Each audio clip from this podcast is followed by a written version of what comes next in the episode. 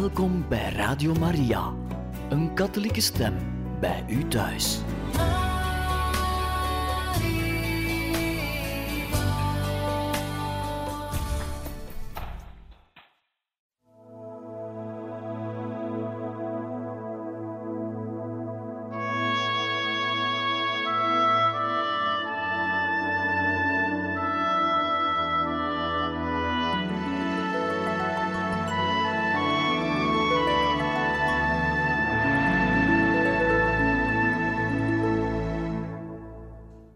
Luisteraars. Van Radio Maria, hartelijk welkom in dit programma Heilige Getuigen, waar wij verder gaan met de lezing uit het boek Hij had de moed om te spreken, een bisschop onder nazi-terreur, de zalige Clemens August kardinaal von Galen, bisschop van Münster, geschreven door eerwaarde heer Edward Janssens. We waren gekomen bij hoofdstuk 3, een keerpunt de drie lange preken bij onderwerp 2, de tweede preek van 13 juli 1941 in de Sint Lamberti. We wensen u een deugddoende lezing toe. In deze preek spreekt bisschop von Galen hoofdzakelijk zijn toorn en afkeer uit in verband met de sluiting van verschillende kloosters in zijn bisdom en het verjagen van de kloosterlingen uit de provincie Westfalen. Omwille van dit thema zal deze preek de naam Kloostersturm, kloosterstorm krijgen. Het ging hem uiteindelijk niet zozeer over het sluiten van de inbeslagname van kerkelijke goederen, maar om de rechteloosheid en de willekeur van de Gestapo. Iedereen in Duitsland, ook de andersgelovigen en de niet-gelovigen begrepen dat het hier eigenlijk niet om de kloosters ging, maar om het protest zelf. Dat er iemand in een officiële functie publiekelijk kritiek uitte op het nazi-apparaat, op de methodes van de Gestapo, op het gehele staatssysteem van angst en op de verblinding van partijleden, dat was ongekend. Dat had men in jaren niet gehoord. Dat had men ook van een katholieke bisschop niet verwacht. Zijn openlijk spreken, het noemen van naam en toenaam van de instellingen en de personen die getroffen waren en van de storm die over de kloosters joeg, had geen enkel effect. Het in beslag nemen van kerkelijke goederen ging gewoon door. Zijn preek evenwel werd onmiddellijk openbaar gemaakt, gekopieerd en over heel Duitsland verspreid. Hij groeide uit tot een openbare aanklacht tegen het functioneren van de nazistaat. De tekst van de preek in de Sint Lamberti in Münster. Beminde katholieken van Sint Lamberti. Ik voelde de behoefte om vandaag vanaf de kansel van de Stads- en Marktkerk in mijn hoedanigheid als bisschop persoonlijk een herderlijk woord over de gebeurtenissen van de afgelopen week af te kondigen. En in het bijzonder u, mijn vroegere parochiekinderen, mijn innige deelneming te betuigen. Juist in enkele wijken van de Lamberti-parochie, maar ook in andere delen van de stad, zijn de verwoestingen en aangebrachte schade bijzonder groot. Ik hoop dat door het ingrijpen van de bevoegde stedelijke en nationale instanties, maar vooral ook door uw broederlijke liefde en de opbrengst van de collecte die vandaag gehouden wordt voor de hulpactie van de Caritasbond en de Caritas van de parochie, een deel van de nood wordt weggenomen. Ik had mij voorgenomen er nog een enkel woord aan toe te voegen over de zin van Gods beproeving. Hoe God ons daarin zoekt om ons weer thuis te hebben. God wil Münster weer thuis hebben. Wat leefden onze voorouders dicht bij God? Voelden ze zich in Gods heilige kerk thuis? Wat werd hun leven toch geheel en al gedragen door het geloof in God? Geleid door de heilige vrees voor God en door de liefde tot God, zowel in het openbare leven als in het gezinsleven, als ook in het bedrijfsleven. Is het in onze dagen nog steeds zo geweest? God wil Münster weer thuis hebben. Ik had daarover nog enkele dingen met u willen bespreken. Voor vandaag moet ik er echter van afzien, want ik zie mij genoodzaakt om nu iets anders hier openlijk ter sprake te brengen. Een schokkende gebeurtenis die ons gisteren, aan het eind van deze week van verschrikkingen, is overkomen.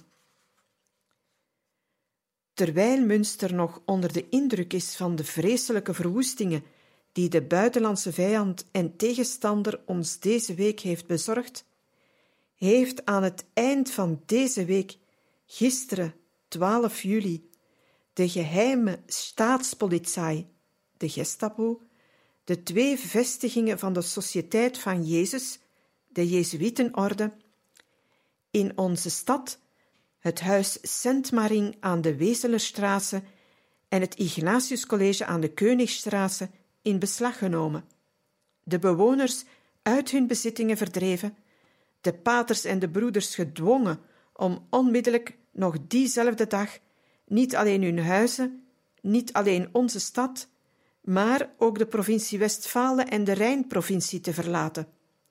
En datzelfde harde lot heeft men gisteren ook de missiezusters van de onbevlekte ontvangenis in Wilkinghegen aan de Steinfurterstraße bereid. Ook hun huis werd in beslag genomen. De zusters zijn uit Westfalen verbannen en moeten Münster voor zes uur vanavond hebben verlaten.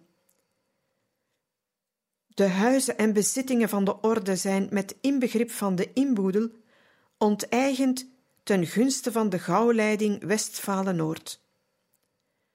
Zo is dan de kloosterstorm, die al langer in de Oostmark in Zuid-Duitsland, in de nieuw verworven gebieden Wartegau, Luxemburg, Lotharingen en andere delen van het Rijk woedde, ook hier in Westfalen losgebroken.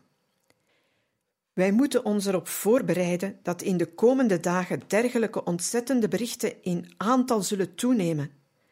Wanneer ook hier het ene klooster na het andere door de Gestapo in beslag genomen wordt en de bewoners ervan, onze broeders en zusters, kinderen van onze families, trouwe Duitse volksgenoten, als rechteloze slaven op straat worden geworpen als ongedierte het land uitgejaagd. Juist op dit ogenblik, nu alles siddert en beeft voor nieuwe nachtelijke aanvallen die ons allen kunnen doden en een ieder van ons tot een ontheemde vluchteling maken. Daar jaagt men onschuldige, ja zeer verdienstelijke, door ontelbaar velen hooggeachte mannen en vrouwen uit hun bescheiden bezittingen en maakt men Duitse volksgenoten, onze Münsterse stadsgenoten, tot ontheemde vluchtelingen. Waarom? Er werd mij gezegd om politieke redenen. Andere redenen werden niet genoemd. Geen enkele bewoner van deze kloosters is van een vergrijp of een misdaad beschuldigd, voor de rechter gedaagd of zelfs veroordeeld. En indien iemand schuldig zou zijn, dan moet men hem voor de rechtbank brengen. Mag men echter ook onschuldigen straffen?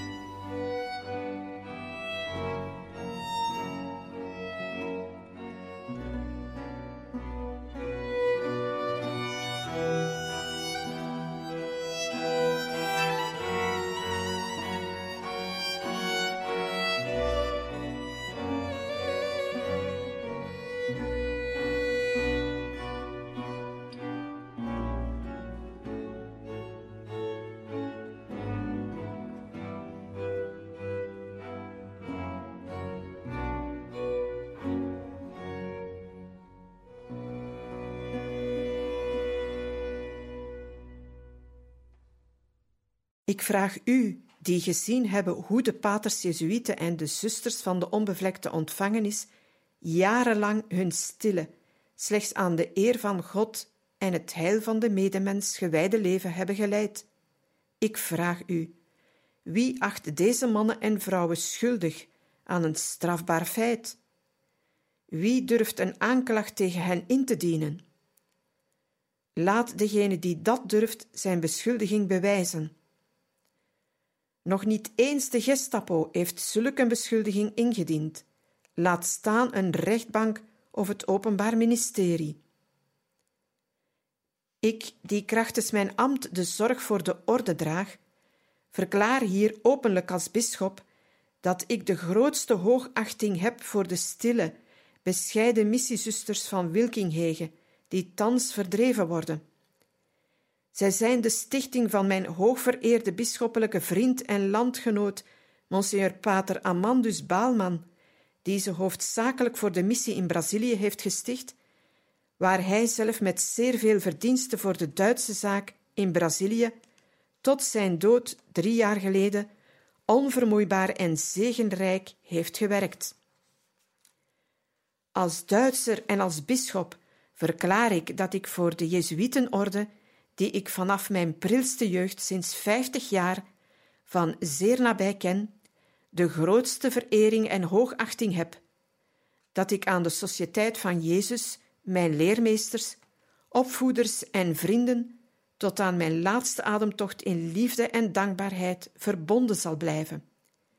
En dat ik juist vandaag, op dit ogenblik, des te groter verering voor hen heb, omdat aan hen de voorspelling van Christus aan zijn leerlingen weer in vervulling gaat.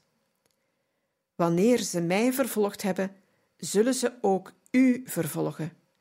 Johannes hoofdstuk 15, vers 20. Als gij van de wereld zoudt zijn, zou de wereld liefhebben wat haar toebehoort. Daar gij echter niet van de wereld zijt, maar ik u uit de wereld heb uitgekozen, daarom haat de wereld u. Johannes hoofdstuk 15, vers 19. Zo groet ik thans vanaf deze plaats, ook namens de trouwe katholieken van de stad Münster en het bisdom Münster, deze door Christus uitverkorene, door de wereld gehaten, in hartelijke liefde bij hun vertrek in onverdiende ballingschap. Mogen God hen belonen voor al het goede dat zij ons bewezen hebben. Mogen God ons en onze stad niet straffen, om wat een dusdanig onrechtvaardige behandeling en verbanning hier zijn trouwe leerlingen wordt aangedaan. Mogen Gods almacht spoedig zijn trouwe ballingen, onze broeders en zusters, hier terugbrengen. Beminde diocesanen, vanwege de zware beproeving die door de vijandelijke aanvallen over ons is gekomen, had ik eerst in het openbaar willen zwijgen over andere onlangs genomen maatregelen van de Gestapo, die bepaald een openlijk protest van mijn kant uitlokken. Maar wanneer de Gestapo geen enkele consideratie gebruikt bij die maatregelen, waardoor honderden van onze stadsgenoten dakloos zijn geworden, wanneer ze juist op dit ogenblik doorgaat met onschuldige stadsgenoten op straat te zetten en te verbannen, dan mag ik ook niet meer langer wachten om mijn ernstige waarschuwing uit te spreken. Al meerdere malen en nog pas geleden hebben wij het moeten beleven dat de Gestapo hoog in aanzien staande Duitsers van onbesproken gedrag zonder gerechtelijk vonnis of verdediging heeft gevangen gezet, van hun vrijheid beroofd, uit hun woonplaats verbannen en ik weet niet waar geïnterneerd. De laatste week werden zelfs twee van mijn naaste medewerkers, namelijk leden van het Dom- en Kathedraalkapitel, plotseling door de Gestapo uit hun huis gehaald, uit Münster weggevoerd en naar ver afgelegen plaatsen verbannen, die hun als gedwongen verblijfplaats werden aangewezen. Op mijn protest bij de Rijksminister voor Kerkelijke Aangelegenheden heb ik sinds de afgelopen weken in het geheel geen antwoord ontvangen, maar wel kon bij de Gestapo worden vastgesteld dat bij geen van beide kanunniken een verdenking bestaat of dat er tegen hen een aanklacht van een strafbaar feit is ingebracht.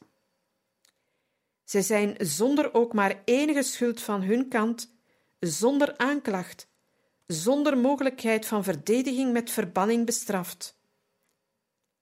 Christenen, luistert goed. Van officiële zijde werd ons bevestigd dat de kanunniken Voorwerk en Echelmaier geen strafbaar feit ten laste wordt gelegd. Zij hebben geen enkel strafbaar feit begaan, en toch zijn zij met verbanning gestraft. Waarom? Omdat ik iets gedaan heb wat de Rijksregering niet aanstond. Bij vier benoemingen van kanunniken in de loop van de laatste twee jaar heeft de regering mij in drie gevallen meegedeeld dat de benoeming haar niet aanstond omdat er door de bepalingen van het Pruisisch Concordaat van 1929 een recht van verzet van de kant van de regering uitdrukkelijk uitgesloten is, heb ik in twee van de vier gevallen de benoeming toch doorgezet. Ik heb daarmee niet onrechtmatig gehandeld. Ik heb slechts mijn schriftelijk erkend recht uitgeoefend. Ik kan dat te allen tijde bewijzen. Men kan mij voor het gerecht brengen, wanneer men meent dat ik in strijd met de wet gehandeld heb. Ik ben ervan overtuigd dat geen enkele onafhankelijke Duitse rechtbank mij wegens mijn optreden bij de benoemingen van de kanunniken kan veroordelen. Heeft men daarom geen rechtbank, maar de Gestapo ingeschakeld, waarvan de maatregelen in het Duitse Rijk helaas niet aan een gerechtelijk onderzoek onderworpen zijn? Tegenover deze fysieke overmacht van de Gestapo staat iedere Duitse burger volkomen hulpeloos en weerloos. Volkomen weerloos en hulpeloos. Dat hebben vele Duitse volksgenoten in de loop van de laatste jaren aan de lijve ondervonden.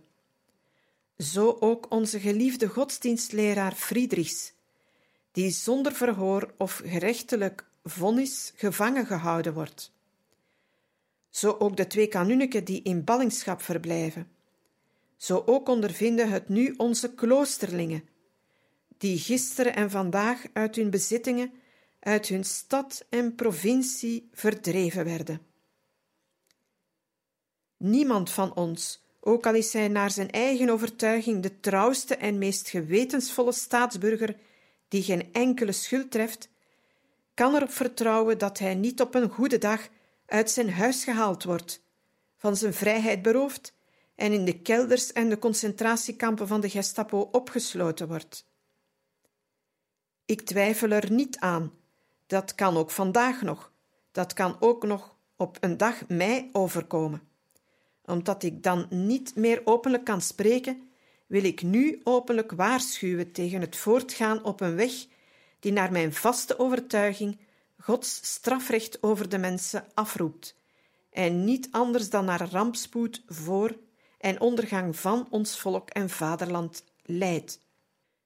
Wanneer ik tegen deze maatregelen en bestraffingen van de Gestapo protesteer, wanneer ik openlijk het ongedaan maken van deze toestand en een gerechtelijk onderzoek of intrekking van alle maatregelen eis, dan doe ik niets anders dan wat ook de gouverneur-generaal en Rijksminister Dr. Frank gedaan heeft, die in februari van dit jaar in het tijdschrift van de Academie für Deutsches Recht 1941, tweede nummer, pagina 25, geschreven heeft.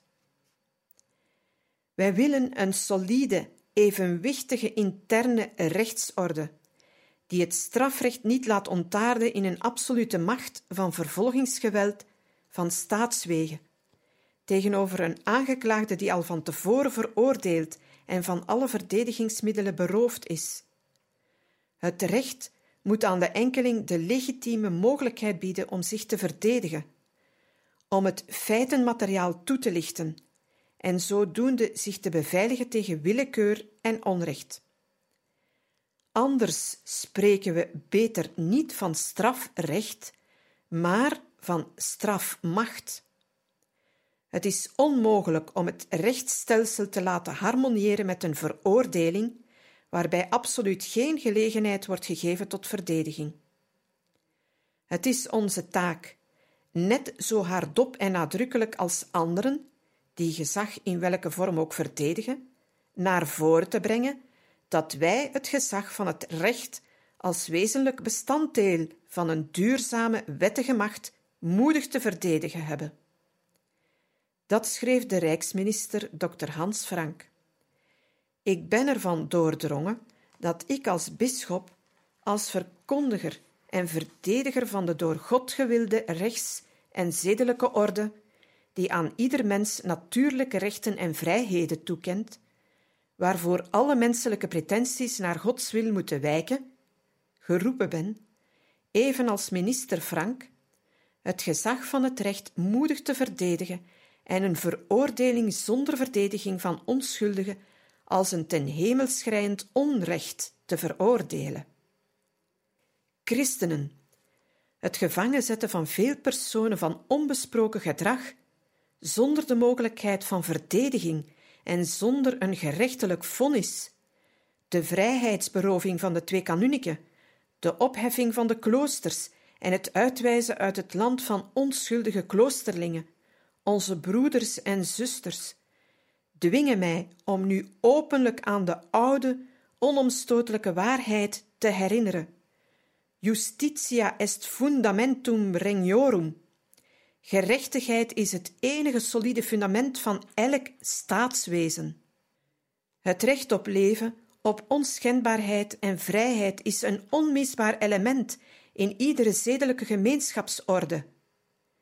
Wel is de staat geoorloofd als strafmaatregel deze rechten van zijn burgers te beperken, maar deze bevoegdheid heeft de staat slechts tegenover wetsovertreders, van wie de schuld in een onpartijdig proces is bewezen.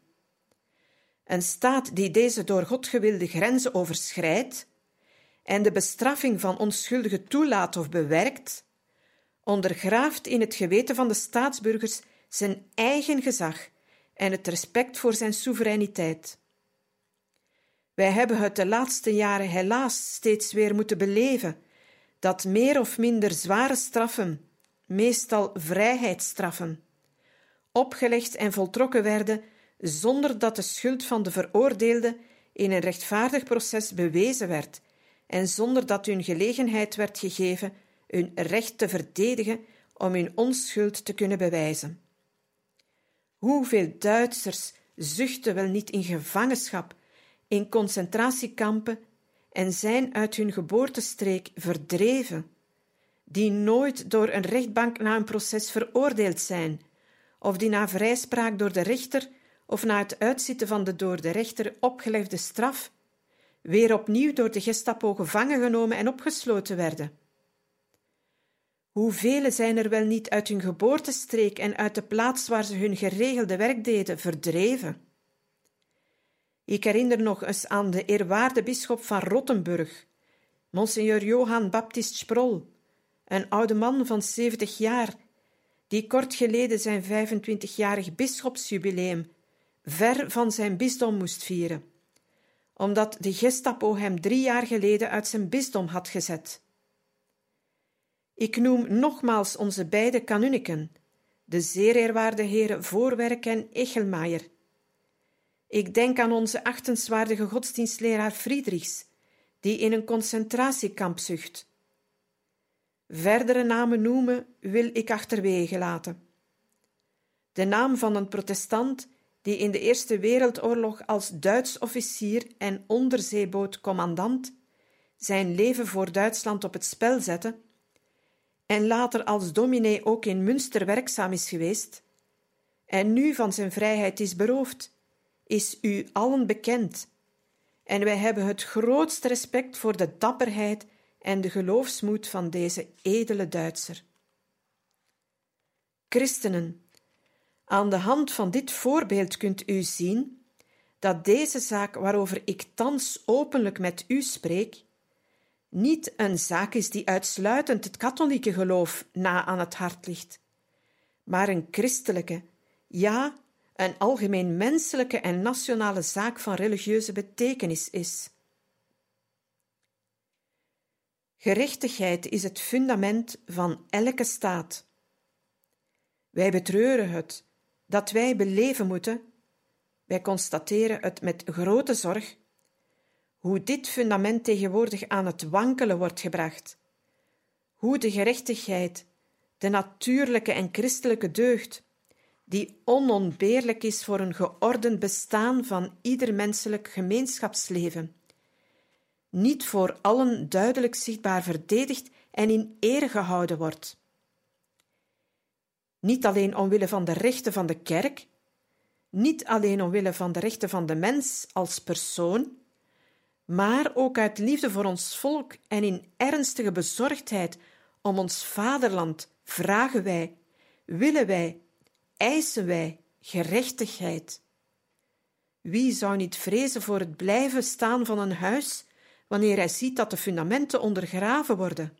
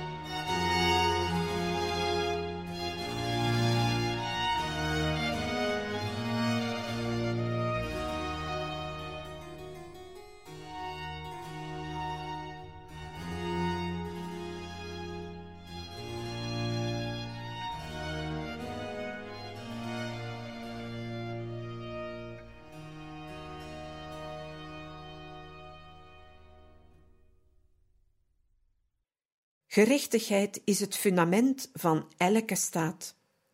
De staatsmacht kan slechts dan tegen onrechtvaardige geweldpleging van de toevallig sterkere, onderdrukking van de zwakke en hun vernedering tot onwaardige slavendienst met oprechtheid en kans op blijvend succes optreden, wanneer ook zij die de machtsmiddelen van staatswegen bezetten, zich vol eerbied buigen voor de koninklijke majesteit van de gerechtigheid en het straffende zwaard slechts in dienst van de gerechtigheid hanteren.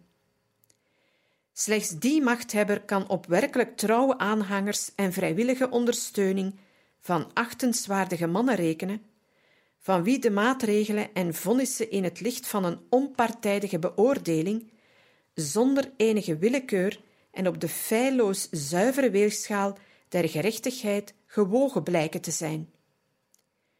Daarom wekt de praktijk van veroordeling en bestraffing zonder de mogelijkheid tot verdediging, zonder gerechtelijk vonnis, veroordeling van tevoren al veroordeelde zonder verdediging, zoals de Rijksminister Dr. Frank het noemde, een gevoel van rechteloosheid en een mentaliteit die bestaat uit vreesachtigheid en slaafse lafheid, die op den duur het volkskarakter wel moeten bederven en de volksgemeenschap verscheuren. Daarvan zijn alle rechtschapen en weldenkende Duitsers overtuigd. Daarover maken ze zich grote zorgen. Dat heeft ook een hoge rechterlijke ambtenaar in 1937 in het Reichsverwaltungsblad vrijmoedig uitgesproken. Hij schreef: Hoe groter de onbeperkte macht van een overheidsinstantie, des te noodzakelijker is een garantie voor correcte toepassing van het recht. Want des te erger worden vergissingen ervaren en des te groter is ook het gevaar voor willekeur en misbruik. Wordt de rechterlijke macht niet ingeschakeld, dan moet er in ieder geval een correcte weg voor onpartijdige controle bestaan, zodat er geen gevoel van rechteloosheid kan ontstaan, wat in ieder geval op den duur de volksgemeenschap ernstige schade zal berokkenen. Herbert Schelscher, president van het Hoger Gerechtshof Saxen in Dresden, Reichsverwaltungblad 1937, pagina 572. Bij de bepalingen en vonnissen van de Gestapo is de rechterlijke macht niet ingeschakeld.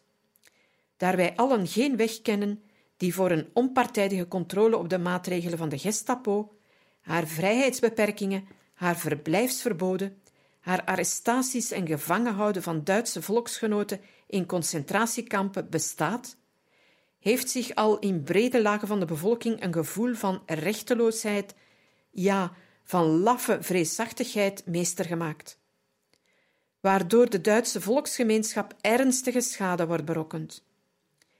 De plicht die mijn bisschoppelijk ambt met zich meebrengt om op te komen voor de zedelijke orde, de plicht die mijn eed met zich meebrengt, waarmee ik voor God en de vertegenwoordiging van de Rijksregering plechtig beloofd heb, naar vermogen elke schade die het Duitse volk zou kunnen worden toegebracht, te voorkomen, dwingen mij met het oog op de daden van de Gestapo deze zaak in een openlijke waarschuwing te noemen. Christenen, men zal mij wellicht het verwijt maken dat ik met deze openhartige taal het binnenlandse front van het Duitse volk nu midden in de oorlog verzwak. Daartegenover stel ik niet ik ben de oorzaak van een eventuele verzwakking van het binnenlandse front, maar zij die ondanks de oorlogstijd, ondanks de huidige noodtoestand, ja, nu hier aan het eind van een vreselijke week van gruwelijke vijandelijke aanvallen, onschuldige volksgenoten zonder gerechtelijk vonnis en zonder de mogelijkheid zich te verdedigen, zwaar bestraffen. Onze kloosterlingen, onze broeders en zusters, van hun bezittingen beroven, op straat zetten en de provincie uitjagen. Zij ruïneren de rechtszekerheid. Zij ondermijnen het rechtsbewustzijn. Zij vernietigen het vertrouwen in ons staatsbestuur. En daarom verhef ik namens het rechtschapen Duitse volk, namens de majesteit van de gerechtigheid en in het belang van de vrede en de hechte eenheid van het binnenlandse front mijn stem. Daarom roep ik luid als Duitser, als onberispelijk staatsburger, als vertegenwoordiger van de christelijke godsdienst, als katholieke bisschop, wij eisen gerechtigheid. Wordt dit roepen niet gehoord en niet beantwoord, wordt de heerschappij van koningin gerechtigheid niet in ere hersteld, dan zal ons Duitse volk en vaderland ondanks de heldhaftigheid van onze soldaten en hun roemrijke overwinningen, aan innerlijk bederf en verrotting ten gronde gaan. Laat ons bidden voor allen die in nood zijn, in het bijzonder voor onze verbannen kloosterlingen en voor onze stad Münster, dat God verdere beproevingen van ons weert, voor ons volk en vaderland en zijn Führer. Onderwerp 3. De preek van 20 juli 1941 in de Onze Lieve Vrouwenkerk van Münster, bijgenaamd de Überwasserkirche. Omdat nog zijn mondelingen, nog zijn schriftelijke protesten ook maar iets uithaalden, besteeg bisschop van Galen op 20 juli opnieuw de preekstoel en begon zijn preek met de melding dat tot nu toe nog steeds geen reactie was gekomen op zijn preek over de kloostersluitingen in zijn bisdom. Zijn preek groeide dit keer uit tot een oproep om sterk te zijn, om het vol te houden, om niet ten onder te gaan. Hij gebruikte daarbij een originele vergelijking, die van de hamer en het aanbeeld. Wij katholieken, zo zei hij, zijn vandaag de dag niet de hamer, maar eerder het aanbeeld. Wij vangen de klappen op. Maar wat is sterker? De hamer of het aanbeeld? Laat ze dus maar kloppen. Laat ze er maar op losslaan. Wij staan vast, wij houden vol. Wij zijn hard, zo hard als het aanbeeld. Hij trok dit thema deze keer ook tot boven het katholieke niveau. Het werd een vergelijking die ook op de jeugd en op de gezinnen kon worden toegepast. De gezinnen zijn het aanbeeld dat niet enkel de slagen opvangt, maar ook het ijzer of de jeugd vorm geeft. Iedereen begreep opnieuw de kritiek op het systeem van de nazi's, dat geen enkele rechtsorde respecteerde en willekeurige klappen uitdeelde zonder dat men zich daartegen kon verdedigen. Een aanbeeld slaat niet terug. Het moet alleen maar sterk zijn, stevig staan. Hoe heviger de hamer slaat, het aanbeeld staat daar rustig sterk te zijn en zal nog lang dienen om datgene wat gesmeed wordt vorm te geven. Beste luisteraars, we beëindigen hier voor vandaag deze lezing uit het boek Hij had de moed om te spreken, een bisschop onder nazi-terreur, de zalige Clemens August, kardinaal von Galen, bisschop van Münster, en gaan volgende keer verder met hoofdstuk 3, een keerpunt, de drie lange preken, bij onderwerp nummer 3, de preek van 20 juli 1941 in de Onze Lieve Vrouwenkerk van Münster, bijgenaamd de Uberwasserkirche, met de tekst zelf van de preek. Wij hopen dat deze lezing u veel deugd gedaan heeft, wensen u nog een gezegende avond toe en tot de volgende keer.